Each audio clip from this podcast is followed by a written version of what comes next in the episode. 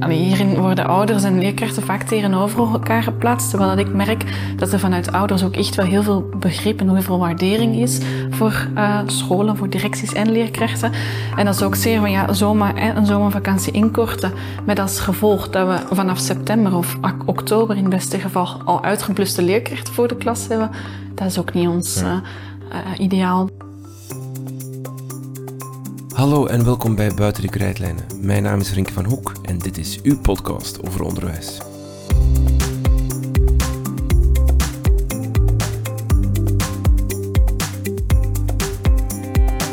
Elk jaar komt het debat weer eens terug op de proppen. Moeten we de zomervakantie inkorten? Naar zes weken, eventueel herfst- en krokusvakantie verlengen naar twee weken? Voor- en tegenstanders laten zich steeds luider en luider horen. Tijd voor een goed gesprek. We verzamelden een pedagoog, een schooldirecteur en een vertegenwoordiger van de Vlaamse Oudervereniging om de tafel. Om eens even dieper in te zoomen op dit onderwerp. Want welke gevolgen heeft het inkorten van de zomervakantie? Welke voordelen? Welke nadelen? Wat voor impact zal het hebben en welke valkuilen liggen op de loer? Filip Noens, Tim van Landegem en Francisca Wildeboer zijn de gespreksgasten van dienst en buigen zich over de volgende vraag. Moeten we de zomervakantie inkorten?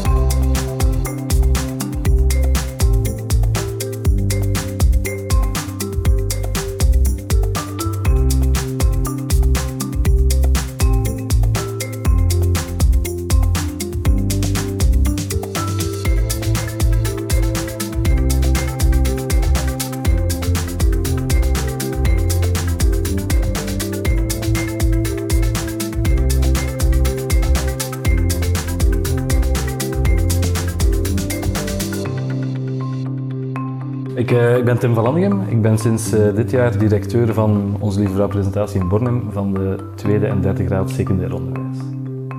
Ik ben Francisca Wildeboer, ik ben stafmedewerker onderwijs en begeleider diversiteit bij VCOV, de ouderkoepel van het vrij onderwijs. En ik ben Filip Noens, ik ben pedagoog uh, en ik werk aan het kenniscentrum gezinswetenschappen in Schaarbeek van de Hogeschool Odyssee de zomervakantie naar zes weken terugbrengen om zo drie weken extra schooltijd toe te voegen? Ja of nee, Tim? Nee. Francisca? Nee. Filip? Ja of nee? De nuance komt straks. Nee, dan. Oké. Okay. De zomervakantie met twee weken inkorten en herfst en krokus worden elk met één week verlengd. Tim? Misschien? Ja of nee? Ja. Alright. Francisca? Hetzelfde dilemma, maar toch naar nee. Nee? Nee. Nee. Oké, okay, voilà. De messen zijn geslepen, nu tijd voor nuance. Ik wil uh, dit gesprek uh, um, opbouwen aan de hand van een soort van argument dat telkens, um, een soort van scherp argument, uh, een beetje kort door de bocht, en dan gaan wij daar, of jullie, daar wat nuance of ervaring of ideeën aan toevoegen. En het eerste wat ik wil hebben is, we moeten de zomervakantie inkorten om iets te doen aan het kwaliteitsverlies in het onderwijs. Is dat een valabel argument? Filip? Um, wel, als je onder kwaliteitsverlies die, die leerachterstand begrijpt, hè, of die summer learning loss, hè, zoals je dat in de wetenschappelijke literatuur dan terugkomt, um, dan zie je toch wel dat daar eigenlijk geen consensus over bestaat in de wetenschap. Dus die assumptie, die veronderstelling, die leeft wel in de hoofden van de mensen, um, maar de wetenschap kan dat niet zonder meer hard maken. Hè. In het algemeen zou je kunnen zeggen dat het op zich ook niet zo heel erg is dat kinderen uh, een periode hebben waarin dat ze wat dingen of wat zaken vergeten. Hè? Het is zelfs gezond dat wij een deel van de zaken die wij geleerd hebben en ervaren hebben, dat we die vergeten, dat dat verdampt in de ether van de, van de zomerweken. Dat is ook functioneel natuurlijk. Hè? Dat, is een, is een beetje zoals bij een computer met een harddrive. Die moet niet continu volgeschreven worden. Hè? Die heeft ook uh, best wel uh, tijd om gereset te worden. Hè. Anders gaat informatie met elkaar interfereren en overlopen enzovoort. Dus die rustperiode, die mentale rustperiode, heeft wel zijn nut voor elk kind. Hè. Daarnaast, als je kijkt naar het onderzoek, hè, dan is heel wat van het onderzoek over uh, summer learning loss gebaseerd op wat er in Amerika gebeurt. Dat is Amerikaans onderzoek. Hè. Uh, het is heel moeilijk om dat te vertalen naar een Europese context, voor verschillende redenen. Onder meer omdat een aantal van die onderzoeken al uit de jaren 70 en 80 dateren. Het is niet gemakkelijk om die te repliceren. Hè. Die hebben ook gebruik gemaakt van, uh, van vragenlijsten en methodieken die eigenlijk, waarvan nu uitkomen dat die wetenschappelijk niet volledig correct waren. Hè. Dat dat, dat uh, niet zo betrouwbaar is om dat te hergebruiken. Hè. Um, en het Amerikaans schoolsysteem is ook wel wat anders dan het Vlaams. Hè. Al is het maar dat ze daar grosso modo vakantie hebben van de 4th of July tot Labor Day. Hè? Dus van de 4e uh, juli tot ergens de eerste week van, van september. Dus dat maakt dat het heel moeilijk is om te zeggen... Um, inkorten van de zomervakantie zal sowieso zorgen voor een kwaliteitstoename van ons onderwijs. Of van meer leerwinst. Wel, het maakt alleszins moeilijk om, uh, als je daar het onderzoek naast legt, om dat zonder meer te vertalen op de Vlaamse context. Ja, ja, ja. Want dat argument komt niet uit het niets. Hè. We hebben, dat is vooral ook opgedoken rond corona, toen er effectief leerachterstand werd, allez, toen het woordje leerachterstand heel hard naar boven kwam van ja, die jongeren, die leerlingen zijn twee maanden, maanden toen niet naar school kunnen gaan, daarna thuisonderwijs. Dat is niet voor iedereen goed geweest, er is leerachterstand. Kan dat dan niet een quick fix zijn om, om uh, die leerachterstand uh, toen op te lossen? Is gewoon, laten we die zomervakantie inkorten met twee, drie weken, zodat we meer kunnen lesgeven en dat we dat kunnen goedmaken. Ik denk dat we die context ook moeilijk kunnen vergelijken. Corona was voor iedereen eigenlijk een soort ja, schok, zal ik maar zeggen. Wij zijn als, als school, als onderwijs heel snel moeten overschakelen op ja, een manier. Het was ook heel onduidelijk van hoe lang gaat dit duren. En dan zijn er verschillende initiatieven ontwikkeld, hè, vooral het digitaal onderwijs, eh, de combinatie daarna van contact- en afstandsonderwijs. En ik denk dat die onzekerheid en het feit dat we heel snel moeten schakelen ervoor gezorgd heeft dat er ja, op een bepaalde manier geen ja, kwaliteitsonderwijs aangeboden kon worden, zoals dat daarvoor het geval was. Ik denk, mocht die situatie zich vandaag nog eens voordoen, dat we uit die voorbije periode echt heel veel geleerd hebben over uh, hoe goed we bepaalde dingen moeten aanbrengen. Maar ik denk toen de tijd, ja, dat daar learning loss op zat, dat zal zeker wel zo geweest zijn. Ik denk vandaag de dag, om dan te zeggen, zomervakantie, dat dat op dezelfde manier gelijkgeschakeld wordt aan corona, dat vind ik net iets te vergaand, eerlijk gezegd. Ja, inderdaad, omdat het grote verschil tussen een vakantieperiode en wat er is gebeurd tijdens corona, was bij een vakantieperiode, dat is bij de zomervakantie, dan zijn de scholen dicht. Hè. Bij de lockdowns was er nog afstandsonderwijs en liep het, liep het onderwijs door. En dan zag je, zag je inderdaad dat, dat leerlingen eh, of kinderen uit een kwetsbaar gezin, hè, ja, dan eh, nam de ongelijkheid toe, hè, omdat de school doorliep. Hè. Maar je zou het ook kunnen omdraaien. Uh, er is een, ehm, een onderzoeker, Paul van, van Hippel, die stelt van ja, eigenlijk is het een verkeerd woord, die leerachterstand. Hij spreekt over uh, learning stagnation. Hij zegt die stagnatie, het feit dat kinderen langzamer of niet meer leren tijdens de vakantie, gaat eigenlijk op voor elk kind. En dat wil zeggen dat de, het, het verschil in leren doorheen het schooljaar kan goed gemaakt worden tijdens de zomervakantie. Omdat net alle kinderen, het is een stagnatie, het is een stilstand, en dus kinderen kunnen een inhaalbeweging beginnen doen tijdens de zomervakantie. En dan is natuurlijk de vraag, hoe ga je die zomervakantie goed educatief invullen daarvoor? Hè? Dus die draait het om. Hè?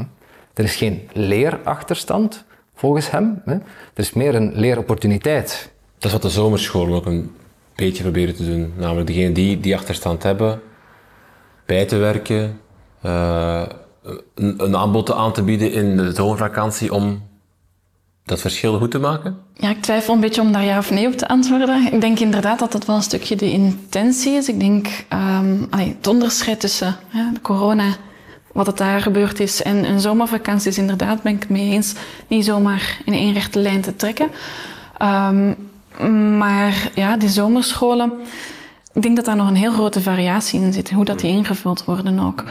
Um, wie dat daar naartoe kan komen, toegeleid wordt. Um, dus het, het, is daar heel moeilijk om daar grote conclusies over te trekken en te zeggen van dat is het effect of dat is ja, de, de waarde van die zomerscholen. Het onderzoek loopt ook nog natuurlijk naar de zomerschool. Hè? Het onderzoek loopt. Ehm, het is wel zo dat uh, ook in andere landen zijn er al zomerscholen georganiseerd. Hè.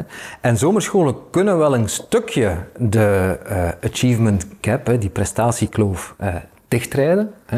Een stukje, maar dan is het wel, zoals Francesca zei, dan heeft het wel te maken met bereikbaarheid. Hè de ouder, en vooral dan de ouders, hè, blijven warm maken om hun kinderen naar de zomerscholen te sturen. Hè. Dus ervoor zorgen dat kinderen dan niet één schooljaar, maar regelmatig naar zo'n zomerschool gaan. Hè. Um, op volgende jaren aanwezig zijn. En vooral, wat jij ook zei, zo'n zomerschool hoeft eigenlijk niet te schools worden aangepakt, want dan werkt het niet. Hè. Uh, ouders kan je maar pas warm maken om hun kinderen daar naartoe te gaan als daar effectief toffe, interessante dingen gebeuren. Hè? En dus dat je begint te kijken van hoe kunnen we zo'n zomerschool uh, een beetje laten, laten lijken op een kinderacademie, uh, kinderuniversiteit, uh, jeugdbeweging, kampen enzovoort. Hè? Dat, daar, dat, dat, de, dat die kinderen terug goesting, zin beginnen krijgen om te leren. Hmm. Een argument dat ook wel daarbij komt is, we hebben eigenlijk heel veel zomervakantie als we vergelijken met de Noord-Europese landen, las ik. Als we dan naar de OESO-landen kijken, zitten we eigenlijk in het midden van het pak. Hoe kijken jullie daarnaar? Hebben wij gewoon veel vakantie of een lange zomervakantie? En is die te lang? Uh, puur als we, als we, als we kijken naar, naar andere landen?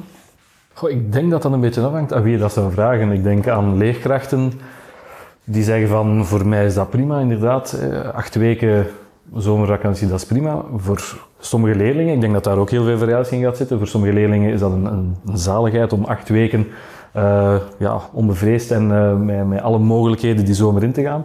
En voor andere leerlingen die zeggen van kijk, dat belemmert mijn sociale contacten. Uh, leerlingen die bijvoorbeeld thuis ook in, in, minder eenvoudige situaties zitten, die in de school een soort vaste, veilige omgeving zien, zal die zomervakantie effectief te, te lang zijn. Ja, het, het, is gewoon een heel genuanceerd, het moet een heel genuanceerd gegeven zijn. Ik denk, wie daar ook naar kijkt, zal er vanuit zijn eigen perspectief naar kijken en zeggen van, voor mij heeft dat die voordelen en die nadelen, maar je kan ze niet los van elkaar bekijken. Als er een beslissing moet genomen worden, denk ik dat dat heel veel overleg zal, uh, ja, zal vragen van heel veel verschillende belanghebbenden.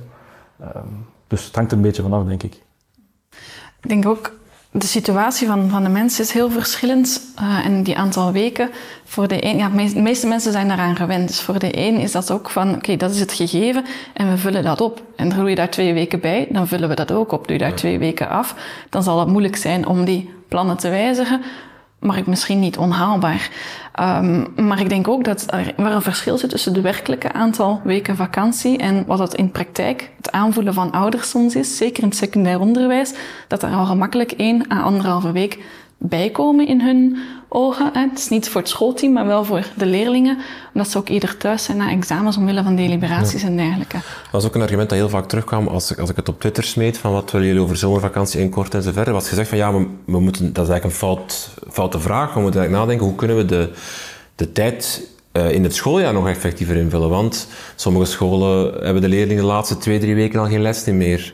Sommige lagere scholen bollen uit of doen, doen projectweken of feestweken op het einde. Ik gooi er nu allemaal dingen ongenuanceerd in. Is, is dat een belangrijke vraag dan zomervakantie inkorten, al dan niet? Om deze vraag te koppelen aan, aan jouw vorige vraag. Het is wel zo, en daar moeten we ook niet flauw over doen, dat we historisch steeds minder schooltijd hebben. Dat onze kinderen steeds minder naar school moeten gaan. Vroeger, nog niet zo heel lang geleden, twee generaties terug, bestond er zoiets als de zaterdagschool. Eh, het is ook wel zo, eh, een, een, argument om te zeggen van we vertekenen een klein beetje uh, de vakantieweken, het is ook maar een argument, zou zijn van ja, dan, hebben, dan is het wat meer duidelijk, transparant, want dan hebben we modules van 7, 8 schoolweken en dan een module van 2 vakantieweken. Hè. Dan heb je dan niet meer dat lappendeken nu van vrije dagen en lang weekenden enzovoort. Hè. Dan, is het, dan is het duidelijk. Hè. Ja, um, nu ook daar weer die herverdeling van de vakantieweken blijkt dan weer, ze hebben dat geprobeerd, ze hebben dat uitgetest. Hè. Het zijn twee onderzoekers, McMullen en Rouse. In 2012 hebben we daar onderzoek naar gedaan van, brengt dat dan op voor de leerlingen? Hè? Bleek dat dat eigenlijk niet zoveel verschil uh, maakte om de Amerikaanse zomervakantie te verdelen, hè, die ongeveer drie maanden duurt, te verdelen in blokken van vier keer vier weken. En die te verspreiden over het schooljaar. dat, dat, dat effect op, het, op de leerachterstand was eigenlijk niet heel. Hm? Dus er, zijn, er is een argument voor te zeggen van laat het ons maar wat herverdelen. Dan, gaat dan is het duidelijk, hè, dan is het wat meer modulair georganiseerd, het onderwijs. Maar heb je dan daardoor uh, meer kans dat die leerachterstand of die leerongelijkheid uh, wordt weggegomd? Nee, niet per se. Over die verdeling komen we straks zeker nog, maar, maar Tim bijvoorbeeld, eh, de kritiek of het argument van ja, de laatste twee, drie weken, uh, dat zijn het klassenraden, is, is uh, nog dit of dat, leerlingen zitten niet meer in de les, ze, leren iets niet meer, nog die examens en daarna ja, moet, moet ook gedelibereerd worden en zo. Kan, is daar een oplossing voor? Of is dat iets waar je mee akkoord gaat? Of is dat Nee, ik begrijp wat Francesca zegt. Dat klopt inderdaad. Voor ouders komt dat heel, heel vreemd over. De week voor een vakantie, dat de leerlingen dan grosso modo bijna die hele week thuis zijn. Natuurlijk dan, dan ook een stukje af van de organisatie van hoe het onderwijs in elkaar zit. Ja, wij delibereren. Wij gaan niet over één nacht ijs als het gaat over het uitspreken van attesten bijvoorbeeld, maar ook bij begeleidende klasraden. Ja, dat wordt uitgebreid gedaan. Uh, bij een klasraad moet elke leerkracht aanwezig zijn. We kunnen daar niet zeggen van we zorgen voor een soort minimale dienstverlening. Dus ja, dat is, dat is het systeem. En dan zitten we inderdaad met leerkrachten die op school bezig zijn, wat ouders dan niet zien. De meesten weten het gelukkig wel, maar zitten dan nog altijd, de ouders dan met de, met de opvang van de kinderen. Um, we proberen bij ons op school om dagen waarbij er zo'n overgang is, en dan heb je bijvoorbeeld nog maandag les, en dan de volgende dagen zijn er klasraden. Die maandag proberen we dan wel zinvol in te vullen. Uh, feedback op, uh, op proefwerken die gegeven worden op bepaalde projectdagen. Die trouwens ook wel echt een meerwaarde hebben. Ik, eh, ik weet, minister Jan Bon, een aantal jaren geleden, was daar nog wel redelijk denigrerend over, over die, die laatste weken. Maar die hebben ook echt wel een, een als die goed ingevuld zijn, een, een, ja, het pedagogisch project komt daar echt wel tot uiting. Als je als warme school het schooljaar wil afsluiten, dan hoort daar een bepaalde viering bij, een, klasmoment. Dat is geen les op zich, maar dat maakt ook wel deel uit van de maatschappelijke opdracht waar een school voor staat. Hè? Namelijk een, een veilige omgeving voor leerlingen bieden. Uh, ja, bepaalde doelen bereiken die je via het reguliere onderwijs niet zou krijgen. Maar het klopt dat het inderdaad voor leerlingen geen lestijd is. Ik denk ook dat het nee, vanuit, vanuit ouders ook. Elk kind heeft ook recht op een, op een rondere deliberatie. Dus dat is, dat is absoluut noodzakelijk. En ook het afsluiten van een periode, of dat het nu een trimester of een schooljaar is, is belangrijk. Ook in, in de hele vorming en ontwikkeling, denk ik. Um, maar ja, het is inderdaad, allee, de dagen komen er eigenlijk bij inderdaad qua opvang. Uh, plus als we het hebben over een nuttige invulling van hè, de tijd die al voorzien is voor onderwijs, verwijzen ouders ook heel vaak naar studieuren. Um, denk aan het lerarentekort vandaag de dag. Hè. Eigenlijk ja, directies, leerkrachten die aanwezig zijn, kunnen daar absoluut niks aan doen. Mensen vallen nu eenmaal uit. Maar ja, ouders zien eigenlijk hun kind in studie zitten en soms met een taak, soms met een opdracht die nuttig uh, is, maar lang niet altijd. En dat is dan ook een stukje dat ze zeggen van ja, dat komt er eigenlijk allemaal bij.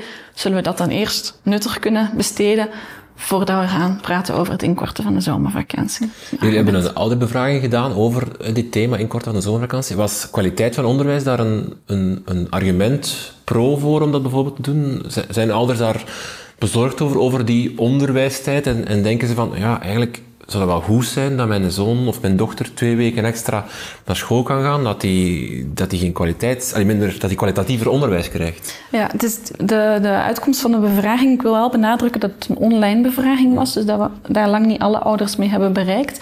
Toch nogthans uh, eh, 14.000 antwoorden. Dus het geeft wel een beeld. Uh, en het was eigenlijk echt bijna 50-50. Um, ehm, en we merken daar ook wel Um, dat er, er zijn heel veel argumenten voor, er zijn ook heel veel argumenten tegen. En soms spreken die elkaar ook echt tegen. Wat voor de ene ouder een argument voor is, is voor de andere juist tegen. Uh, en er is echt die, die afstemming met werkcontext, um, met, met de structuur, dagelijkse structuur bijvoorbeeld. Uh, en wat ik ook merk is echt dat, dat ouders van kinderen met, met specifieke noden, of, of die zeggen van die, vaste structuur, die vrienden, de sociale contacten en dergelijke, ze hebben daar echt nood aan. Andere ouders zeggen van het loskoppelen, dat is echt... Allee, er zijn een aantal korte vakantiedagen of uh, vakanties tijdens het schooljaar die gewoon niet toelaten om los te koppelen van school. Een herfstvakantie en een krokusvakantie worden, en dan vooral in secundair onderwijs werd dat vaak aangegeven, volgepropt met taken, spreekbeurten, boekbesprekingen Waardoor dat die zomervakantie eigenlijk ja, het aanvoelen is dat dat het enige periode is om echt los te komen van school. Dus in evenwicht. In het, in het debat rond zomervakantie wordt eh, sociale ongelijkheid vaak aangehaald. Het is hier ook al gevallen van, hè, het kan dat misschien daar een rol in spelen om die sociale, of die verschillen tussen leerachterstand goed te maken. Maar als je gewoon kijkt, hè, we, zitten nu al een paar jaar in het debat of in het, het discours van de kwaliteit van het onderwijs daalt. Elke internationale studie of test toont dat aan, PISA, weet ik veel wat allemaal nog allemaal. Vinden jullie dat ehm, het inkorten van de zomervakantie overwogen moet worden of, of mee zou moeten spelen in het de maatregelen die genomen kunnen worden omdat de algemene kwaliteiten van het onderwijs, dus niet toegespitst op die sociale ongelijkheid, dat dat daarin mag meespelen. Dat het een valabel argument is dat onderzocht moet worden, want we hebben daar geen eenduidigheid over, dat het daarin mag, mag eh, meedoen in dat debat. Dus jouw, jouw vraag is, Renke, ehm, of onderwijskwaliteit in verband mag gebracht worden rond het debat met de zomervakantie. Kan bijvoorbeeld minister Wijts, en minister Wijts wil de onderwijskwaliteit opkrikken, hij denkt dan aan centrale toetsen, hij denkt dan aan eh, leerpunt, of het leerpunt oprichten, hè, om, de, om de, de didactiek op te krikken. Zou hij ook kunnen zeggen, ik ga de zomervakantie inkorten om de kwaliteit van ons onderwijs te verbeteren? Ja. Is, eh, eh, zeg- zeggen wij dan, ah ja, valabel argument, goed, goed idee. Allee, of dat moet, dat moet onderzocht worden. Ik wil niet zo ver gaan, een goed idee. Of zeggen jullie, dat is, die twee mogen niet met elkaar, dat heeft niks met elkaar te maken. Ja, voor mij haal ik daar dan altijd de boodschap uit, of de veronderstelling uit, dat elke dag dat een leerling extra op school is, of hoe meer tijd dat een leerling op school doorbrengt, hoe beter voor die leerling. Hè? En hoe makkelijker het dan is om de school draaiende te houden. Hè? Want die wordt niet onderbroken door vakantiedagen enzovoort. En dan denk ik van ja, dan gaan we wel heel kort uit de bocht, want eh, we weten ook dat het Vlaamse onderwijs eh, voor een stukje probeert de ongelijkheid tussen leerlingen eh, weg te gommen die ze zelf heeft gecreëerd. Het is niet zo dat leerlingen uit een kwetsbare, met een kwetsbare achtergrond zomaar geholpen zijn om meer tijd op school door te brengen. Zo gemakkelijk is is het niet. Hè? Eh, het is onder meer professor Nikijzen die altijd zegt van ja, maar ja, eh, het is wel zo dat kinderen eh, waarbij de mama een lager onderwijsdiploma heeft, hè, of alleenstaand is, of een migratieachtergrond heeft, hè, die gezinssituatie. Ja. Dat dat soort factoren er wel voor zorgen dat kinderen al van in het begin, van in de kleuterklas, hè, minder kansen krijgen in het schoolsysteem, in het onderwijssysteem. Nu lijkt, het, nu lijkt het te zijn alsof dat kinderen, en al zeker kinderen uit een kwetsbare gezin, hè, als die meer tijd doorbrengen op school, hè, dat dat sowieso hen ten goede zal komen. Hè. Maar dat is natuurlijk niet zo, want we weten ook dat het Vlaams onderwijs hè, voor een stukje de ongelijkheid eh, probeert weg te gommen, die het zelf creëert van in het begin. hè. Eh, professor Nikijzen wijst erop dat er drie factoren zijn. Die, die onderwijs zelf creëert of die onze samenleving zelf creëert, die ongelijkheid? Het Vlaamse onderwijssysteem. Ja. hè. Eh, door het feit dat ja, als kinderen nu eenmaal niet goed de taal spreken enzovoort. Voor sommige kindjes is het de eerste keer dat ze een jasje hebben opgehangen aan een kapstokje. Hè, als ze de kleuterschool binnenkomen. hè. Eh, het is ook zo dat kinderen... Niet elk kind komt met dezelfde culturele bagage door de schoolpoort wandelen. hè. Die hebben niet altijd dezelfde programma's gezien, of die hebben niet altijd bezig geweest eh, op een manier dat de leerkracht denkt dat zij zijn bezig geweest met het belang van de school. Hè? Dus ja, van in het begin is het wel zo dat eh, kinderen niet allemaal gelijk aan de meet komen. Hè? En dat het Vlaams onderwijssysteem daar ook niet voor kan voor zorgen dat als het al moeilijk is om eh, bij die meet gelijk te beginnen, om die dan toch gelijk te laten eindigen. Hè? Daar slaagt het voorlopig het Vlaams onderwijssysteem nog niet in. Meer nog, het is wel zo dat als je begint met een 15% verschil in leerprestatie in het eerste studiejaar, eindig je met 45% verschil in het zesde studiejaar. Hè? Dus het neemt gewoon toe. Ja. Dus op zich gewoon iets verlengen wat op zich niet de oplossing brengt om die sociale ongelijkheid te dichten, heeft op zich geen, geen nut.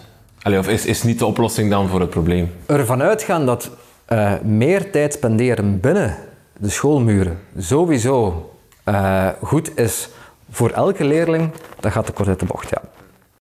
Denken jullie dat, vinden jullie het een valabel argument om, om te laten meespelen als het gaat over kwaliteit van onderwijs? Het inkorten, het, het inkorten van de zomervakantie? Het is een argument, maar ik denk dat het een zeer klein onderdeel is van wat onderwijskwaliteit inhoudt. Ik denk dat daar veel breder moet gekeken worden. Dat is één. En twee, denk ik dat er ook heel veel verwacht wordt van het onderwijs als het gaat over het, uh, het wegwerken of het nivelleren van maatschappelijke kwesties. Ik denk dat daar zeker en vast moet gekeken worden. Hoe kan het onderwijs als onderdeel van de maatschappij bijdragen aan andere sectoren die ook kijken? Als het bijvoorbeeld gaat over laagdrempelige kinderopvang, dan is dat zeker iets dat moet bekeken worden. Het inkorten van de zomervakantie bijvoorbeeld. Zomaar inkorten heeft effect. Als daar dan tegenovergesteld wordt van kijk, maar op deze manier kunnen we wel voor zorgen dat kinderen gemakkelijker opgevangen worden, dat zij in zomerscholen op een uh, ja, toch didactische manier, maar misschien ook een speelse manier, een andere, andere aanpak voor bepaalde groepen van leerlingen, zodat zij echt effectief tot leren komen, dan heeft dat zeker zin. Maar zeggen van de school moet hier zijn of haar, of het onderwijs in het algemeen moet verantwoordelijkheid nemen om die bepaalde kwesties op te lossen, ik denk dat dat net iets te, kort door de bocht is. Mm. Het spreiden van de uh, vakanties meer. Dat, dat, was ook in de stellingen. De eerste is, we, we, kappen er gewoon twee of drie weken af en we, we, voegen die nergens aan toe. Puur om die onderwijstijd te laten toenemen. Er is ook het argument van, kijk, we nemen er twee af of drie af van de zomervakantie en we voegen die toe aan bijvoorbeeld een herfstvakantie maken we twee weken van, een krokusvakantie maken we twee weken van. Ik denk het Franstalige systeem, zoals, van de Franstalige gemeenschap, zoals die dat nu sinds dit jaar, sinds vorig jaar hebben. Um, Tim, jij als directeur, voel je dat, daar, dat, dat, dat, dat een oplossing zou zijn voor een... Voel je dat er een, een, een, allez, of een, een ongebalanceerd systeem is van vakanties en lesdagen? Dat een schooljaar ongebalanceerd is? Ja, je hebt inderdaad niet zo het systeem van zeven weken les, twee weken vakantie. Je zit met lange periodes, je zit met heel korte periodes. En bijvoorbeeld nu september, oktober, bij de opstart van het schooljaar zijn er weinig activiteiten. Dus eigenlijk hebben leerlingen en leerkrachten nagenoeg volledige weken les tot en met oktober. Dat is heel pittig. En afhankelijk van wanneer de paasvakantie valt, heb je dat tweede, derde trimester, kan dat een langere of een kortere periode zijn. Nu, of dat slecht is, daar stel ik mij de vraag bij. Ik denk dat, het eerder, uh, dat we eerder moeten nadenken over, is het haalbaar? Is het haalbaar voor leerlingen uh, om telkens die zeven weken, twee weken vakantie te hebben? Of, ja, momenteel loopt het zoals het loopt. Het Vlaams onderwijs, werken in het onderwijs is altijd met pieken en dalen. Je hebt op bepaalde momenten gigantisch veel werk. Dat geldt zowel voor leerlingen als voor leerkrachten. En op andere momenten is het dan net iets rustiger. Maar of dat systeem aanpassen, dat dat echt gaat leiden tot meer balans, zowel in het leven van leerkrachten als leerlingen, daar stel ik mij de vragen bij. Hm. Wat denken ouders daarover? We, zijn, uh, we benaderen het nu heel erg vanuit hè, onderwijskwaliteit en wat is er haalbaar voor uit het perspectief leerlingen, maar het is ook het stukje, het maatschappelijke is er helemaal op afgestemd. Um, en dat is wel ouders ook wel zeggen, het, het, moet werkbaar, het moet realiseerbaar, het moet haalbaar zijn. Um, als we zeggen van we gaan een herverdeling in, ja, dan zijn er heel veel zorgen. Uh, enerzijds om hè, die, die zomervakanties, die verdeling, die inhoud die daarin zit voor sommige ouders, om dat ja, nog steeds te kunnen waarborgen voor hun kinderen. Uh, denk ook aan gescheiden ouders, waar dat situaties heel moeilijk gaan zijn.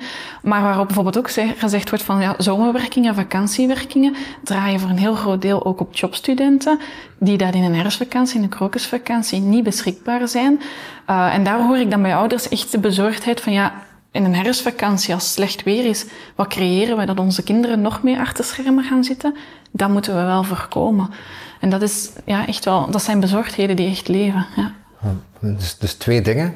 Um, verwijzend naar het advies van de VLOR, de Vlaamse Onderwijsraad. Je zegt van ja, er is nu één groot sociaal experiment bezig in Wallonië. Laat ons dat maar monitoren en onderzoeken. Wat daar goed loopt en minder goed loopt. En het tweede, een beetje uh, voortbordurend op wat Francisca nu zei. In Nederland heeft men gesleuteld aan de uh, vakantieperiode. En wat heeft men gezien? Oké, in Nederland heeft men niet zo een geschiedenis zoals bij ons met de jeugdbewegingen en de vakantiekampen. Dat klopt wel. Maar wat heeft het nog meer in de hand gezet? Hè? Een private markt van, uh, van, van, van opvang en van kampen.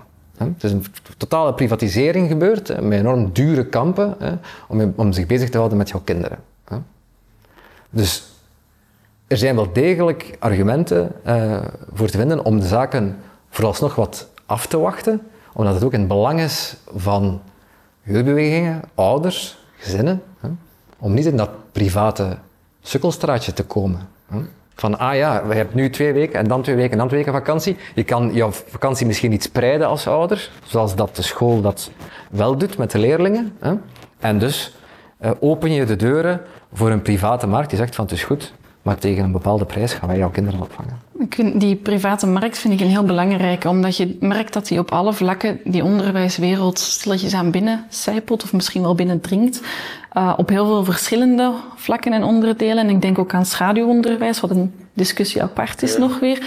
Um, maar ja, dat zijn wel dingen die, die de ongelijkheid voor kinderen enorm vergroten. En als we dan zeggen van ja, we gaan bekijken of dat we de zomervakantie kunnen inkorten om de ongelijkheid weg te werken, maar we creëren aan de andere kant dit soort private initiatieven, commercialisering, die zich echt binnen het onderwijs begint te nestelen, dan zijn we echt wel verder van huis. Dus ik vind ook, we moeten het echt breed bekijken, in de ogenschouw nemen, kijken welke initiatieven er waar al zijn, ook in andere landen of in andere delen van ons land. Uh, en ja, daar echt lessen uit trekken.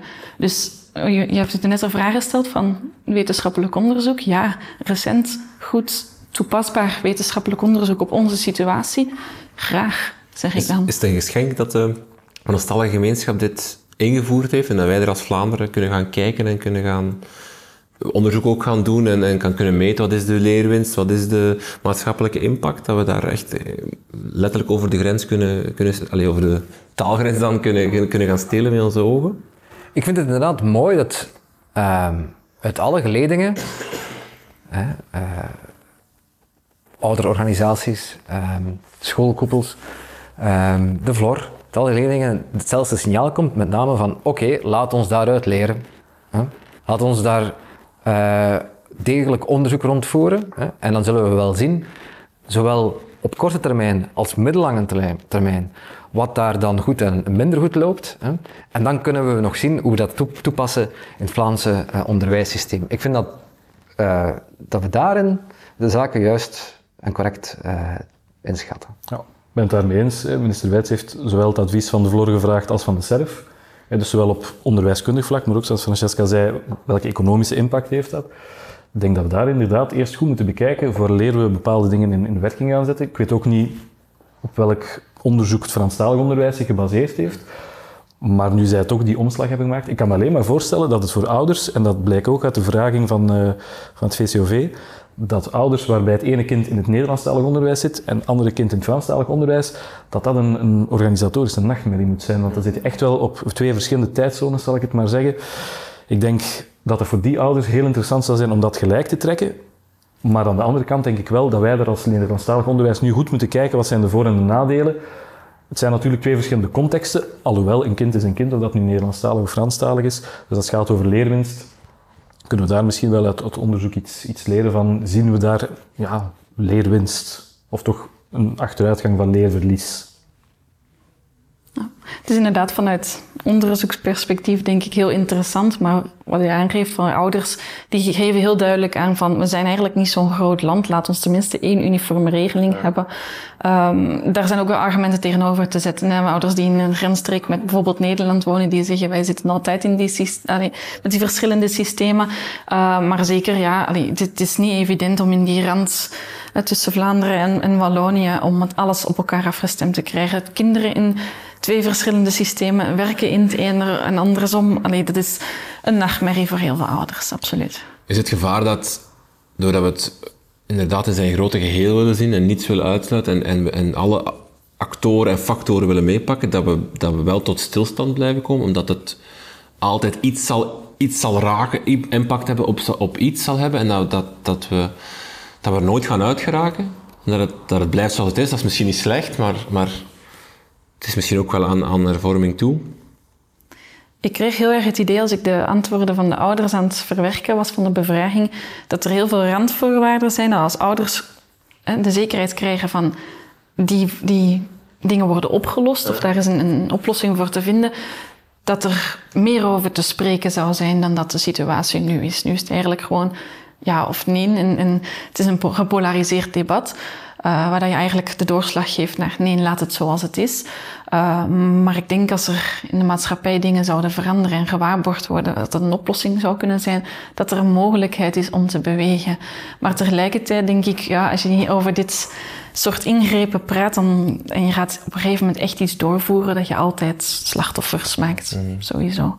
Want is het ook iets dat een debat dat een beetje door angst gegeerd wordt, namelijk angst om, om te verliezen wat we nu hebben en daarvoor iets slechter in de plaats te krijgen, dat dat en zomervakantie nu is, is misschien wel heel lang voor sommige ouders, voor sommige leerlingen of voor sommige leerkrachten misschien ook. Uh, maar ja, zes weken, misschien dat dan inderdaad de reizen superveel duurder worden, dat we, dat we, dat we dan ons niet meer gepland krijgen, uh, dat, dat het bouwverlof onder druk komt te staan, weet ik veel allemaal.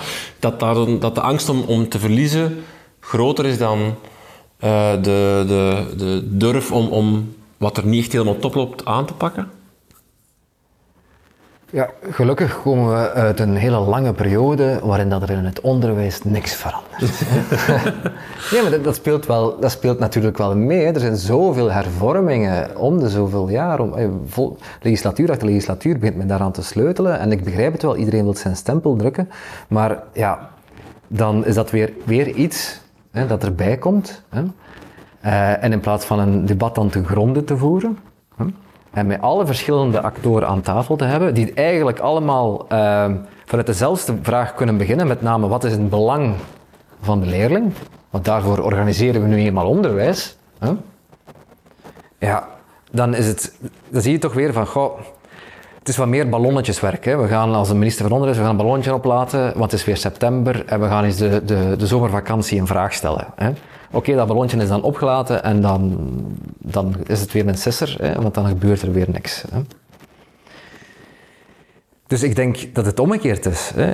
Uh, in plaats van te zeggen van, durven we niet, is het misschien meer denken van ja, zorg nu eens dat we bijvoorbeeld tijdens de zomervakantie, we hebben dan twee maanden tijd, hè, met alle factoren en actoren die, uh, die daar rond, de tafel zitten, hè, ons acht weken daarover buigen, die lange zomervakantie, en dat we met een masterplan naar buiten komen. Want we voeren dit debat nu ook, uh, we trekken het nu uit, uit het hele onderwijssysteem, uit de samenleving. De vraag is, moeten we de zomervakantie inkorten? Maar dit, dit, dit zou je ook inderdaad kunnen inbedden in een groter debat rond hoe verbeteren we de kwaliteit van ons onderwijs? Of hoe verkleinen we de sociale ongelijkheid van ons onderwijs? Of hoe versterken we de rol van ouders in, in het leerproces van hun leerlingen of zo? Daar zou, dat zouden we ook kunnen doen. Hè? Dat, is misschien een betere vraag. Of een, of... Ja, en, ik werp mij hier nu een beetje op als onderwijspedagoog, maar ik ben natuurlijk geen onderwijspedagoog. Ik ben een gezinspedagoog. En uh, wat, wat jammer genoeg vaak wat ondergesneeuwd wordt, is het feit dat kinderen tijdens de vakantie, ook kinderen in een kwetsbare situatie, dat er best wel toffe dingen gebeuren, dat er ook wel kansen zijn enzovoort. Dat is niet dat daar, dat daar niks gebeurt bij die mensen. Hè. Ik bedoel, uh, het, is, ook zo dat, nu wordt er vooral gekeken naar de zomerscholen, maar er zijn heel wat onderzoek dat onderschrijft van ja, maar de sleutel zit eigenlijk bij de thuisactiviteiten. Hè. Er is een, een onderzoek uit 2006 gevoerd, waar dat gaat over een leesprogramma bij ouders. En dat is iemand die gewoon zei van kijk, je krijgt acht boeken, hè, bepaalde gezinnen in een kwetsbare situatie kregen acht boeken hè, en die krijgen ook uh, om de zoveel tijd een gepersonaliseerd sms'je van onderzoekers. Hè, van hoe gaat het enzovoort en kunnen we helpen en aan welke boek zit, je al. En wat bleek? Dat op het einde van die periode, dus na één zomer, die kinderen er even hard zijn, waren op uit, uh, uitgegaan, dan hadden ze naar een zomerschool geweest. Dus er valt best nog wel wat te rapen als we niet alleen ons blind staren op een schoolse manier van denken, maar dat we ook eens kijken van, ja, hoe kunnen we de gezinnen en de ouders binnenin hun gezinssituatie hm. zo goed mogelijk ondersteunen. Onderwijs is niet, of school is niet de enige actor die leerlingen kan doen leren of leerlingen iets kan aanleren. Nee, de, de, de, die kloof tussen gezin en school die bestaat wel natuurlijk, maar dat komt ook alleen maar omdat we uh, er niet in slagen uh, om in ons denken die twee werelden van in het begin uh, met elkaar te versmelten. Hm. Want het lijkt wel zo dat het antwoord op de, het feit dat we lager scoren op internationale tests altijd onderwijs moet zijn. Terwijl het inderdaad ook kan liggen in een programma. Allee, leesvaardigheid gaat achteruit. Het antwoord zou ook kunnen zijn, we moeten ouders uh, handvaten aanreiken om hun kind beter te doen leren. Om, om, om, om, beter of meer in contact te brengen met lezen. Ja, wat, wat daar in dat onderzoek interessant was, is elke ouder vindt school belangrijk. Hè? Dat is zo. Maar als je ouders die eh, niet goed weten van welk hout pijlen maken, hè, dan een pakket geeft, en hoe laagdrempelig kan het zijn door gewoon te zeggen van het zijn acht boekjes. Er is ook rekening gehouden met de taal van die mensen enzovoort. Hè. Dat waren dus geen boekjes uh, in het Nederlands. Hè. En je krijgt tijd, een zomerperiode, om daarmee aan de slag te gaan. En we gaan jou langs de kant een klein beetje bijstaan met wat, met wat nudging, hè, met wat toffe sms'jes. Dan zag je dus dat die, kind, dat, dat die ouders blij waren dat ze iets konden doen, iets educatief konden doen met hun kinderen. Hm. Ik word heel gelukkig als ik dat soort dingen hoor. Omdat wij als organisatie ook echt inzetten op dat partnerschap tussen ouders en scholen. En um, het, is, het is een beetje jammer omdat allee, de media nu is het heel erg polariserend. Hè. De school, het onderwijs en de ouders wijzen naar elkaar. Het wordt vingerwijzen. We moeten dan ook onze verantwoordelijkheid opnemen. Maar het is een samen verhaal. En dat partnerschap, hè, dat vind ik, vind ik ook heel belangrijk. En er zijn echt wel mooie projecten en mooie voorbeelden waar dat er tussen school en ouders een samenwerking is. En ik merk ook dat wij steeds meer als organisatie vragen krijgen van scholen van we merken dat we niet alle ouders kunnen bereiken. Geef ons tip, help ons daarbij. En we doen niet liever. Want hoe meer ouders dat we kunnen bereiken en richting dat partnerschap kunnen brengen, ja, hoe beter voor de kinderen uiteindelijk en ook voor de school. Uh, en dat vraagt even een investering soms, of een, of een vooral een mindshift vaak. Um, en dan bedoel ik een tijdsinvestering en een manier van omgaan. Um, vooral vanuit het school, omdat we wel zeggen van ja, het initiatief moet eigenlijk vanuit de school komen om de ouders te betrekken. Maar het is aan de ouders om zich ook effectief te laten betrekken. En daar zit het stukje partnerschap. Uh, maar ja, ik ben er ook inderdaad van overtuigd. We hebben een project gedaan rond lezen ook, waar dat de kinderen dus in de klas ja, lazen en daar bijvoorbeeld opdrachtjes mee naar huis kregen over dat thema van dat boek en dergelijke. En dan zie je dat dat effect veel groter is. Um, dus ik hoor het heel graag. um, die zomerscholen wil ik nog heel, heel kort aanraken in de zin van als die zomerscholen, als dat blijkt dat die effectief zijn, dat die werken, dat die voor die leerlingen naartoe gaan echt een, een, een leerwinst, een, een leerachterstand wegwerken is, is dat dan ook geen argument om de zomervakantie in te korten? Als een schoolsproject in de vakantie, dat, dat vaak twee weken is, uh, aantoont van ja, dat werkt, is het dan ook geen argument om de zomervakantie in te korten? Ik vind het daar wel heel belangrijk om een contextverschil uit te duiden. Omdat ja. allee, als je een zomervakantie inkort, dan kort je dat in voor alle leerlingen. En een zomerschool op dit moment is niet gericht op alle leerlingen. En maar je zou is... kunnen zeggen, een inclusieve maatregel voor iedereen is een goede maatregel voor iedereen. Dat, ja. Er wordt vaak van, inclusief hè, wordt dat aangehaald van... Mm -hmm. Tuurlijk wel, in, in, een ideale situatie uh, is dat ook het geval. Hè? Dan zeg je van de zomerschool, maakt niet uit hoe dat je presteert, je bent altijd welkom, we maken de school zo breed mogelijk. Hè? En wederom, zo'n zomerschool moet vooral er niet schools uitzien. Hè? Dan gaat het over contextgebonden leren. Hè? Dan gaat het over het feit dat je die kinderen zegt van kijk, we gaan een wereldkampioenschap voetbal organiseren. Hè? Je moet het hier uh, um, uitdokteren met de hoeveelheid leerlingen die er zijn en met de veldjes en, en de vierkante meters enzovoort. Hè? Hmm. Dan gaat het daarom. Hè? Dan gaat het over het feit van... En waarom moet dat? Waarom moet, mag het niet schools zijn? Om, omdat, wel, uh, het heeft onlangs nog maar in de media gekomen uh, dat obesitas uh, toeneemt. Ja. Hè? Het feit dat leerlingen altijd maar moeten stilzitten op school, en veel te weinig bewegen, en dat weten we ook uit onderzoek, dat er gewoon veel te weinig wordt bewogen. Hè? Net dat is iets dat zij heel graag doen en, en, en, dat wat gebeurt tijdens de zomervakantie of tijdens het weekend enzovoort. Hè? Ze mogen terug bewegen. Hè? Ze mogen erop uittrekken, ze mogen want daar gaat ook het woordje educatie van vandaan, de wereld intrekken. Hè? En dat doen ze in beweging. Hè? En dat mogen we toch ook vooral niet, niet opgeven. Hè? Er weer te zeggen van we gaan in de kring zitten of we gaan achter de schoolbanken enzovoort. Van nee, god nee, laat, ze vooral in beweging blijven. Hè? Uh, ik wil er een nieuw argument uh, insmijten. Een schooldirecteur heeft die twee maanden vakantie nodig. Enerzijds om zijn haar schooljaar voor te bereiden, anderzijds om te deconnecteren en batterijen op te laden. Dus we mogen, het is een argument om de zomervakantie niet in te korten. Tim, waar of niet waar? Je mag met meerdere woorden antwoorden. Nee, mijn, mijn, mijn, zomervakantie is inderdaad sinds ik directeur geworden ben uh, aanzienlijk beperkt. Dus wij sluiten de school halverwege juli en wij starten half augustus op. Dat wil dus zeggen dat mijn zomervakantie in principe vier weken is. Nu, die weken waarin wij effectief nog op school zijn, dat zijn ook zeer drukke weken. In juli hebben we jammer genoeg ook te maken met beroepsprocedures. Uh, zij moeten daar opdrachten gelegd worden. Um, dus dat zijn zeer intensieve weken. Bij de opstart net hetzelfde. We zitten in een periode waarin uh, soms leerkrachten laten weten van kijk, ik uh, ga toch andere oorden verkennen. Dus dan is het hals over kop zoeken naar geschikte vervangers, zo die er zijn. Um, ook de opstart van school is niet te onderschatten die vier weken, dat is naar mijn eigen aanvoelen, die heb ik echt wel nodig om te bekomen van het voorbije schooljaar en ook om sterk te staan voor het, het nieuwe schooljaar. Um, ik zou met, met twee weken, dan zou ik ook wel, allez, het is niet dat ik daar als een wrak zou, zou toekomen, maar, en dat is altijd een beetje mijn insteek geweest, in het onderwijs vind ik, vakantie is ons extra legaal voordeel. Wij zijn een beroepsgroep uh, die een heel mooi beroep mogen uitoefenen, die dat in geen gemakkelijke omstandigheden moeten doen. Uh, ja, als mensen mij aanspreken van heb je nu weer vakantie, dan zeg ik ja, ik ben mijn extra legaal voordeel aan het, uh, aan het uitoefenen. Um, en dat is meestal voldoende voor andere mensen om daar te zeggen van oké, okay, dat, dat, begrijpen wij. Um, om daar te gaan uh, korten, want ik heb gelezen dat Christophe de Witte had geargumenteerd dat het inkorten van vakantie voor leerkrachten zou bijdragen aan het eh, ja, een betere acceptatie of toch meer uh, waardering voor het lerarenberoep. Mm.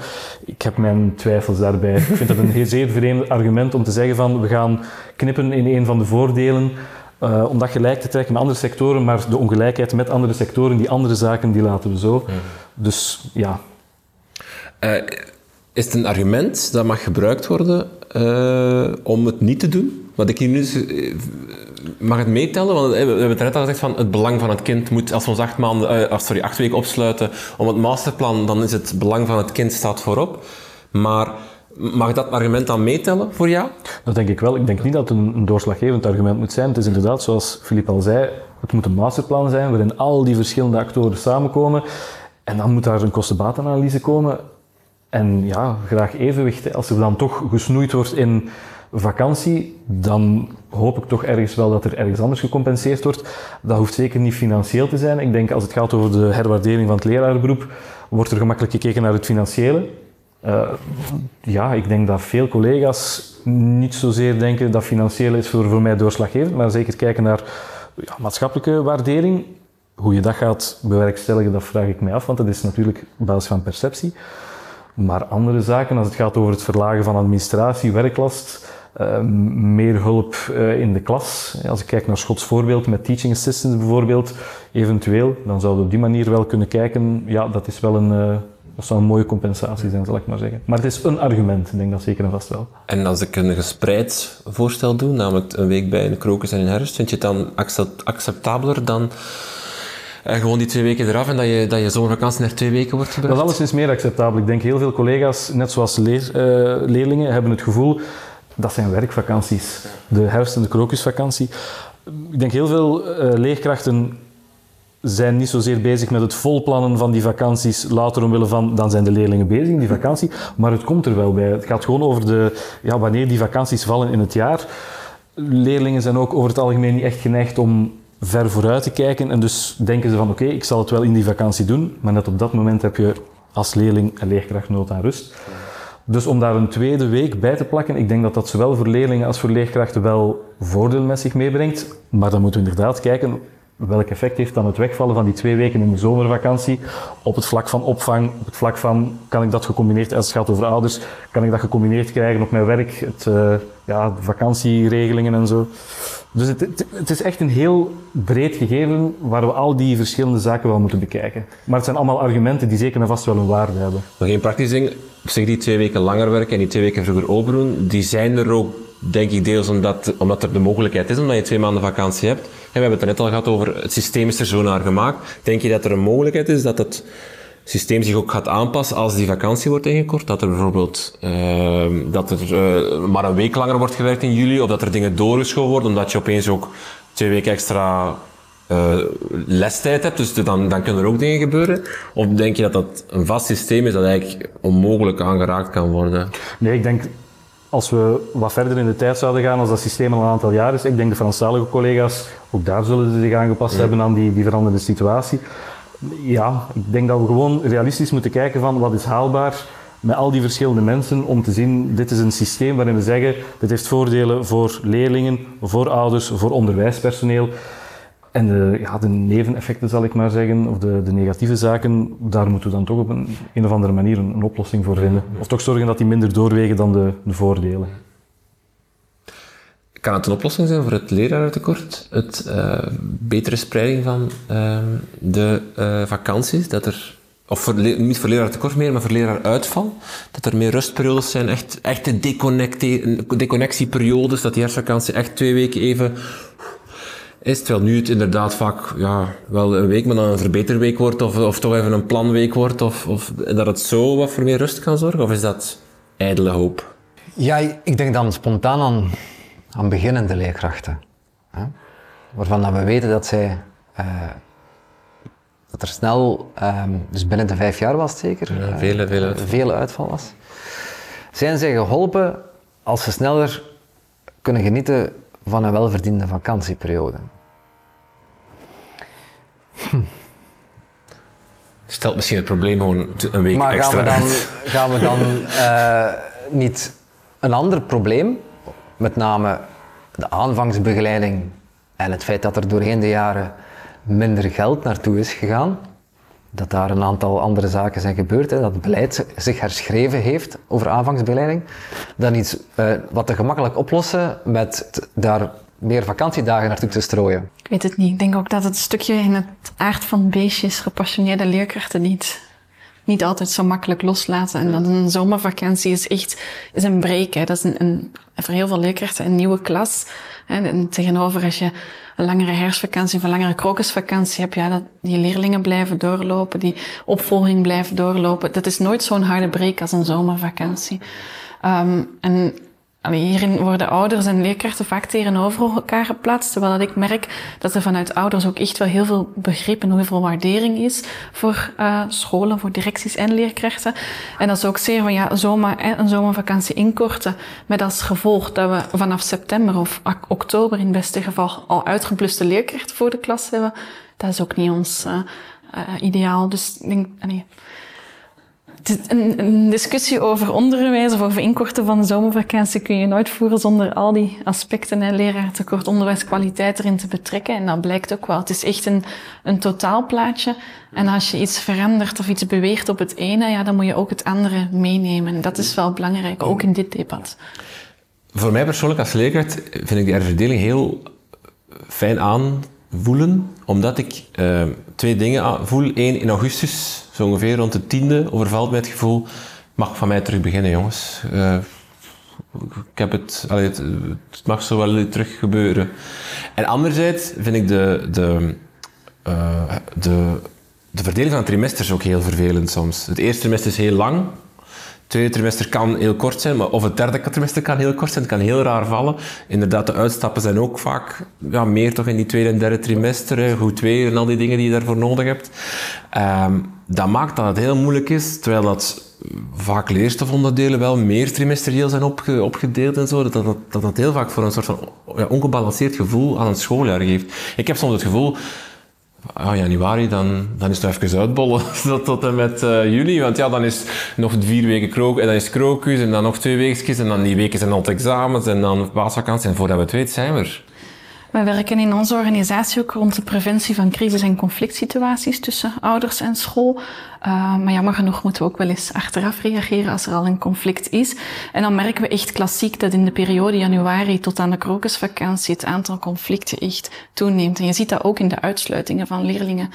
Um, en dat heeft met heel veel dingen te maken. Uh, de winterperiode zal daar ook voor een stuk tussen zitten. Maar ik denk het feit dat dat zo'n lange periode is.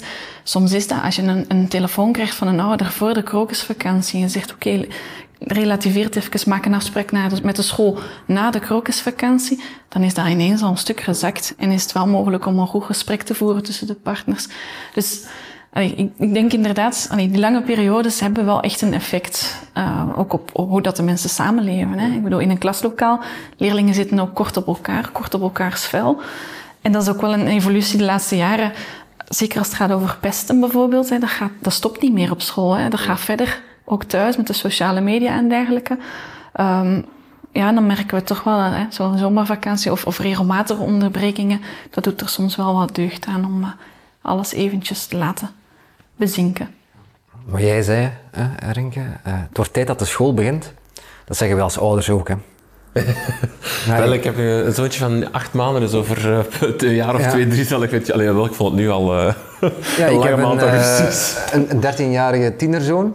En dan zeggen wij, mijn vrouw en ik, van het wordt tijd dat de school begint, want die was vastgelijmd aan de zetel, hadden wij de indruk. Hè. Dus het is wel zo, ook voor ouders, hè, in alle gezinssituaties, dat je soms wel, iets hebt van, oh, we zitten lang en veel en dicht op elkaar. Hè? En daar komen ook de nodige ruzietjes en conflicten. Eh, maar wederom, dat, kan, is op zich ook niet zo heel erg natuurlijk. Hè? Dat is ook een beetje, voor een stukje is dat ook de lijm van een gezin natuurlijk, dat je, dat je leert met iemand anders om te gaan. Hè? Onze kinderen hebben ons niet gekozen, we moeten het ook maar met elkaar doen. We gaan daar straks verder. Ik nog één ding, uh, dingetje naar jou smitten, Tim. Het feit dat uh, het argument vaak naar voren komt van ja, uh, als we maar als we de, de zomervakantie inkorten en de vakantie voor een directeur en voor een leerkracht gaat dus ook inkorten naar twee weken, drie weken, vier weken en zo verder. Dan hebben we nu te weinig tijd om te deconnecteren. Tegelijkertijd denk ik dan, maak ik de link naar uh, de privé of naar andere jobs waarin dat de maximum verlof die je soms maar kan nemen of neemt drie weken is, of twee weken in een zomervakantie, hè, dat je, als je moet afstemmen met collega's. Ligt het dan niet aan het feit dat er iets mis is met, met de invulling van het beroep van directeur of met de, eh, de taaklast van een beroep van directeur, dat dat niet genoeg is? Moeten we daar dan niet eerder naar kijken dan dat we, um, dat we dat meenemen als argument van we moeten genoeg vakantie voorzien, want anders geraakt hij niet, niet, niet opgeladen tegen de volgende, volgende schooljaar? Goh, ik kan natuurlijk niet spreken van uh, jaren ervaring als directeur. Ik, ik, zou het breder willen trekken naar onderwijspersoneel. Wij hebben een ontzettend mooie job, hoe je daar ook in staat in een school, of secretariaatsmedewerker, eh, poetsteam, directie, leerkracht. Maar je gaat nog altijd met jongeren om. En dat is een ander gegeven dan met uh, zieloze producten omgaan. Wij hebben een heel belangrijke taak. Wij gaan met jongeren om die in een heel belangrijke fase van hun, van hun leven zitten, waarin ze zichzelf leren kennen, een omgeving, de wereld, als ik het zo idealistisch mag stellen. En dat brengt wel de nodige conflicten met zich mee. Uh, wij hebben uh, andere referentiekaders dan andere ouders, waardoor het inderdaad soms tot conflicten komt van ja, waar willen wij heen? Uiteindelijk, zowel ouders als school willen werken aan ja, een goede toekomst waarborgen voor, leerlingen, maar de manier waarop, daar verschillen we soms wel van, uh, van mening over.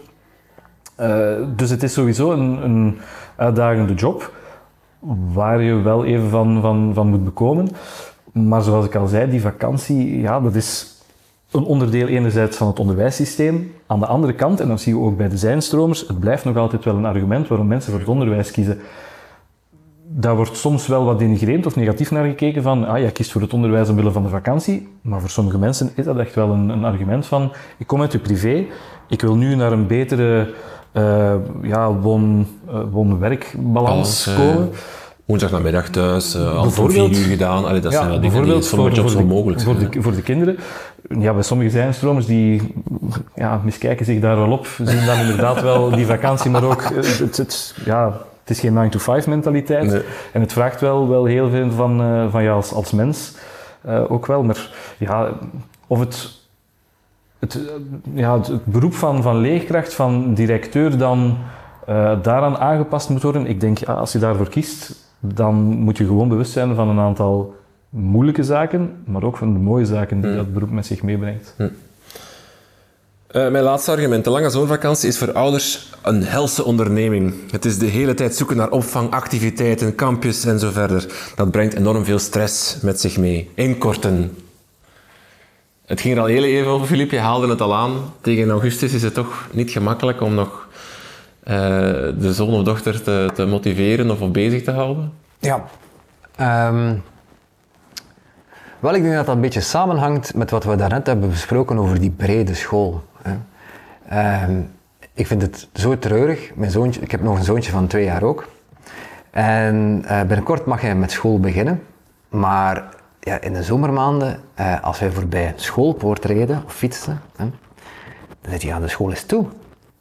Wat is daar aan de hand? Hè? Die begreep dat niet. En eerlijk gezegd begrijp ik dat ook niet. Waarom dat we die, die schoolpoorten niet wat meer openzetten tijdens de zomer. Hè? Dat we zeggen van, kijk, dit is ook een plek om elkaar te ontmoeten.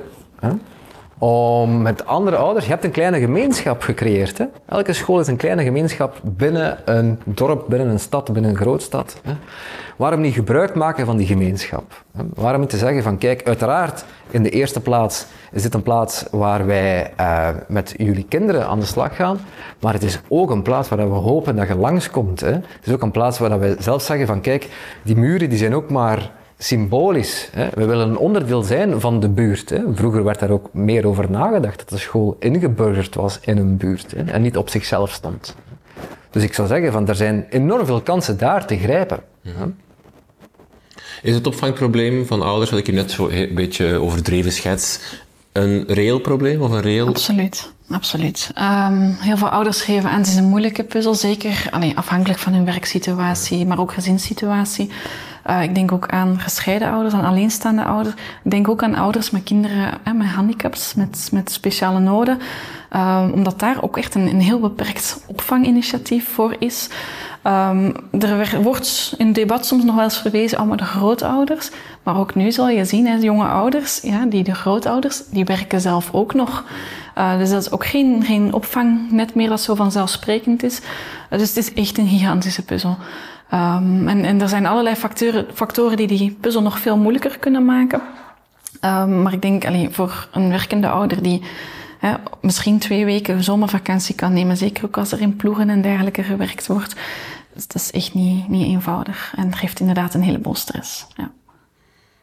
Is inkorten van de zomervakantie dan daarvoor een op... Wat, bijvoorbeeld, ik, wat ik ook las is, um, ook in, jullie bevraging denk ik, van ja, een herverdeling dat, kan misschien, dat is misschien wel goed voor die, voor die zomervakantie. Dat maakt dat misschien iets meer planbaar, maar je verschuift dan het opvangprobleem door naar dan die andere vakanties die je gaan verlengen. Dus, er was wel vrees voor dat het eigenlijk ja, het, het probleem een beetje doorschuift. Absoluut. En ik denk ook, allee, opnieuw weer naar de, de kwetsbare leerlingen bekeken. Allee, het geeft voor ouders stress als zij op een bepaalde avond moeten klaarzitten online om een kind in te schrijven op een vakantiekamp. Maar wat met de ouders die dat niet kunnen, niet kennen? Ik was laatst bij een voorstelling van een project met brugfiguren, waar dat zij zeggen, er gaat eigenlijk een gigantisch deel van onze tijd in de ondersteuning met ouders naar inschrijven voor vrije tijdsaanbod. Om hen daar naartoe te wijzen, naartoe te leiden. Uh, dus allee, dat, ja, dat is de realiteit. Is er een economisch argument te maken om de vakantie in te korten? Uh, minder, de kinderen zijn meer op school, ouders kunnen dan fulltime gaan werken. Uh, moet minder vakantie genomen worden of, of opvang voorzien worden. Er kan meer gewerkt worden, meer productiviteit, BBP omhoog. Ik weet het niet. Ik heb hier natuurlijk ook geen economen aan tafel, maar ik... ik... Ja, dat, dat zwaard snijdt aan twee kanten. Hè. Ik denk als je hier aan tafel uh, een horeca-uitbater van de kust zou hebben...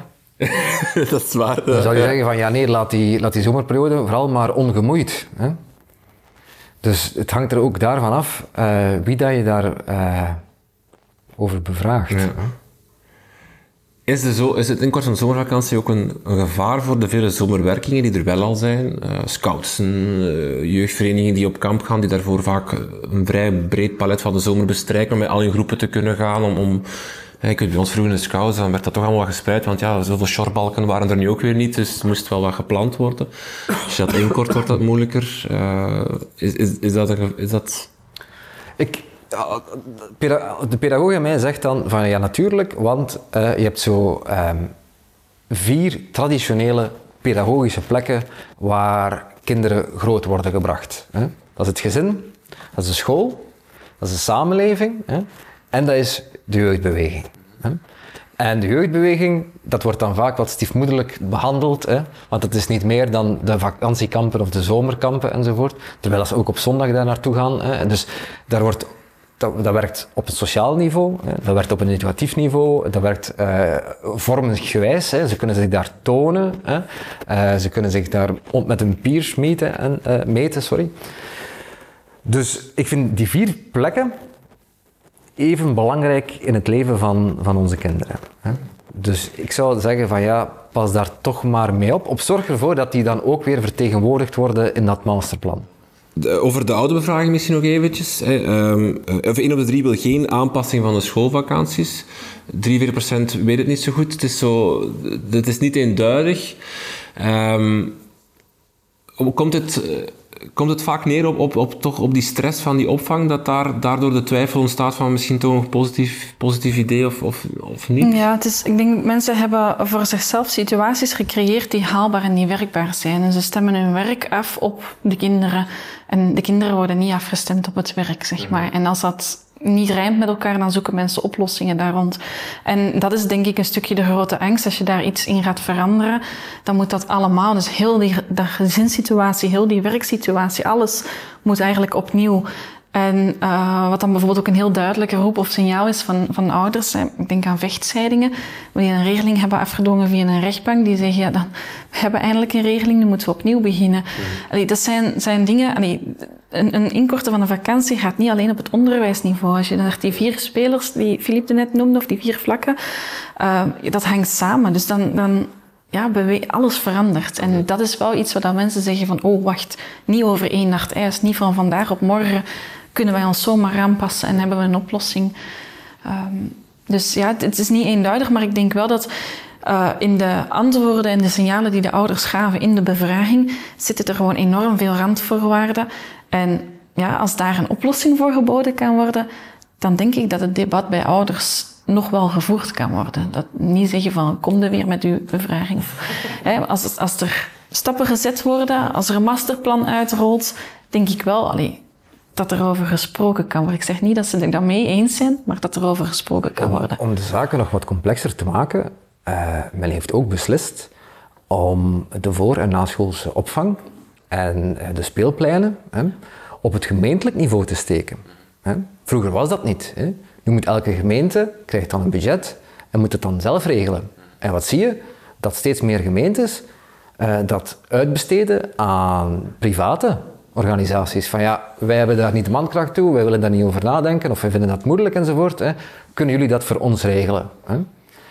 Ja, dan kom je eigenlijk al een beetje in het vaarwater terecht van die privatisering waar we over gesproken hebben. Hè? Want een inkorting van de zomervakantie, daar vrezen jullie voor dat dat wordt duurder. Uh, als we dan kijken naar opvang, naar reizen, naar uh, activiteiten en dergelijke. Omdat die periode wordt beperkter, dus het aanbod zal beperkter worden ook? Of, of hoe, hoe, hoe ik, denk, dat, ik denk niet dat het per definitie duurder moet zijn. Maar als je de zomervakantie inkort zonder samenspraak en zonder een masterplan en zonder maatregelen of, of, of tegenwerpingen aan de andere kant, dan gaan daar private spelers op inspelen. Daar ben ik vrij zeker van. En dat zie je dus ook in onder andere Nederland gebeuren. Dus moet het per se duurder worden? Denk het niet. Maar gebeurt het als we het laten gebeuren? Ja, dat denk, daar ben ik vrij zeker van. En ja, hoe dat het precies zit, de economische werking is nu niet mijn uh, sterkste punt. Maar als ik met ouders spreek, dan zeggen ze ook, kijk, het is heel simpel. Wij krijgen maar in plaats van twee weken of drie weken zomervakantie, moeten wij onder de collega's de zomervakantie verdelen. Dus kunnen we maar één of twee weken vakantie krijgen. Dus moet iedereen in dezelfde periode op vakantie. Dus zijn de vakantieverblijven en de vliegtuigtickets en dergelijke duurder. Dat was eigenlijk de redenering. Um, de Franstalige gemeenschap, daar zijn ze, als ik het lees, redelijk positief over het eerste jaar. Het enige wat wel gebleken is, is opvang uh, of activiteiten of dingen in die uh, uitgebreidere vakantie die nu zijn. Wat je daarnet ook ergens aanhaalde van in de winter, ja, wat ga je doen in de herfstvakantie of, in, in de krokus? Uh, iedereen gaat overwinteren in Benidorm is misschien ook wat, wat praktisch moeilijk. Maar die positiviteit, is, is, is dat iets om mee te nemen al? Of, om, of verbaast jullie dat? Dat er na jaar één? Nee, ik denk dat uh, het schoolpersoneel ook wel heeft getoond de laatste jaren hoe flexibel het kan zijn hè, in zijn denken en zijn werken. Dus in die zin uh, ligt het een beetje in de lijn van de verwachtingen, hè, dat ze voorzichtig positief zijn. Ja, ik zou eigenlijk graag willen weten waarop die positiviteit dan gebaseerd is. welke voordelen biedt het, welke eventuele ja, negatieve factoren ervaren zijn ik denk dat dat belangrijk is om, zoals we eerder al gezegd hebben, vanuit dat Franstalig onderwijs, nu het er toch is, daaruit te leren en eventueel al bepaalde dingen voor te bereiden. Als het gaat bijvoorbeeld over opvang, dat we kunnen nadenken op, op Vlaams of federaal niveau, hoe het gaat met opvang, laagdrempelige opvang. Die zomerscholen kunnen daar eigenlijk wel ergens in passen. Dat hoeft geen, geen twee verschillende systemen te zijn. We ervoor zorgen dat er opvang is voor uh, kinderen uit kwetsbare gezinnen. Maar dat die opvang niet alleen gewoon het, het opvang alleen is, maar dat dat ook een stukje pedagogisch didactisch aangepakt wordt, zodat die effectief gestimuleerd worden om goed voor te bereiden aan, uh, aan het schooljaar te beginnen. Zijn we soms ook te, hoe moet ik zeggen, te kortzichtig in de zin van, we denken alle, de opties zijn heel beperkt, heb ik het gevoel altijd. Ofwel is het houden, ofwel is het twee weken inkorten en dan moeten we ze ergens bijplakken, ofwel is het er niets mee doen. Maar we zouden super flexibele systemen kunnen bedenken. We zouden de twee weken aan de, aan, de school kunnen geven en zeggen, plant wanneer dat je wilt.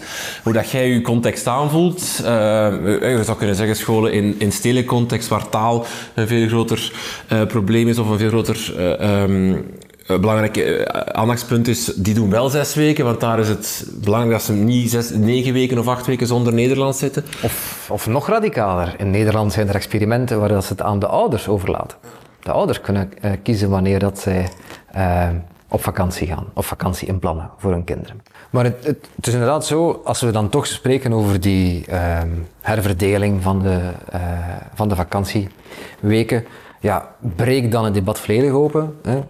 Sleur er dan ook die woensdagmiddag bij. Hè.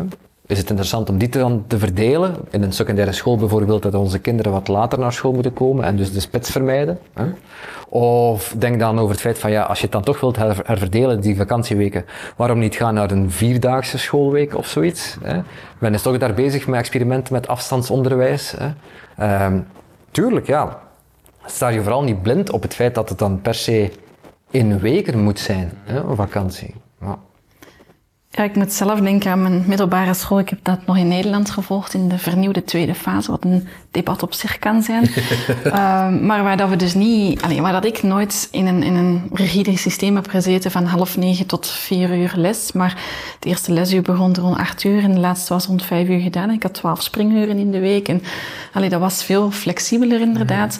Um, is het een oplossing? Nee, ja, ik weet het niet. Misschien is het inderdaad wel iets om, om mee te nemen in het debat. Van, kan dat meespelen? Is het een idee?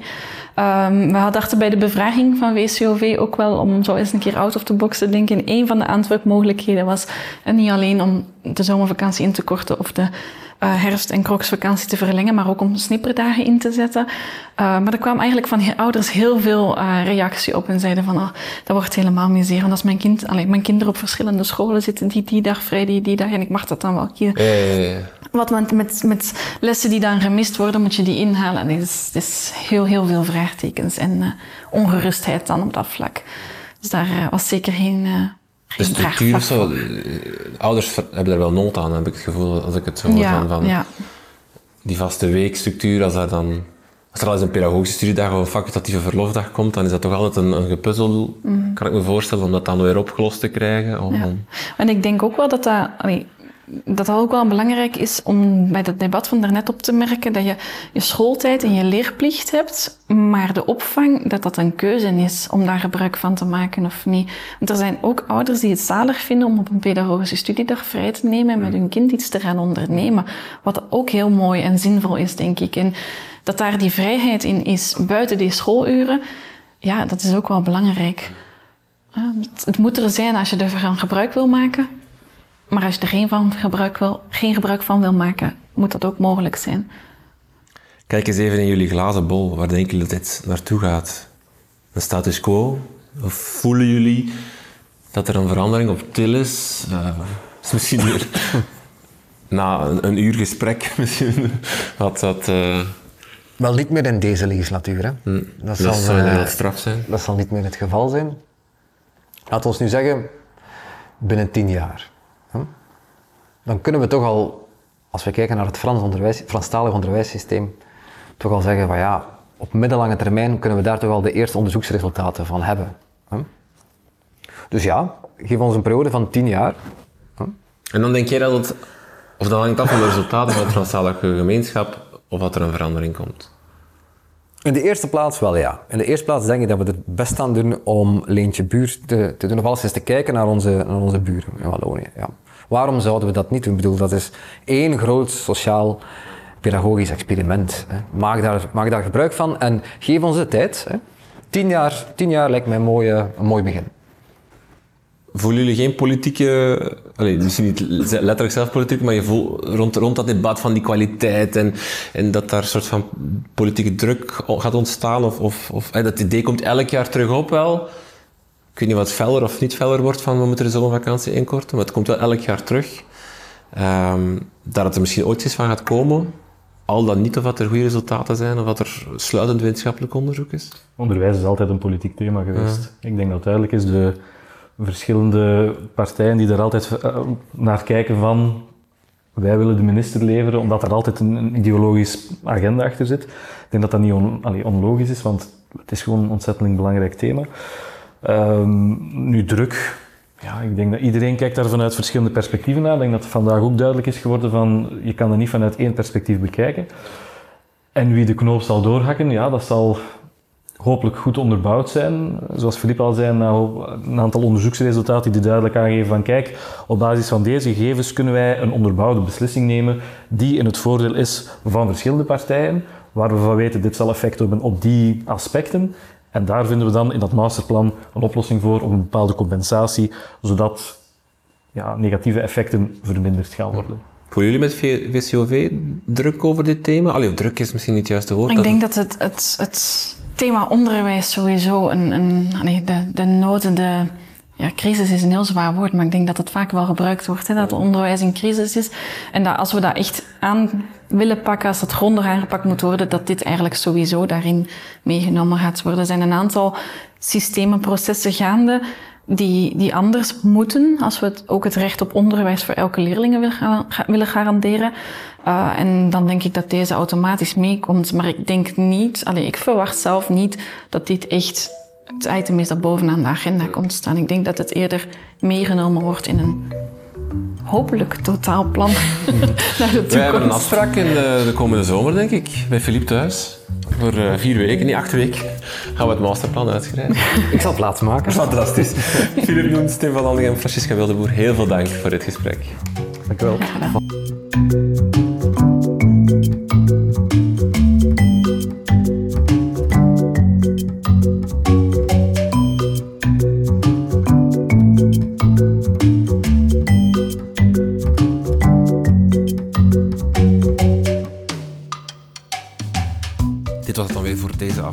Info over deze podcast en andere afleveringen vind je in de show notes van deze aflevering. Check ook zeker onze Instagram en Twitter en ga eens luisteren op onze website www.dekrijtlijnen.be. Dank voor het luisteren en tot de volgende.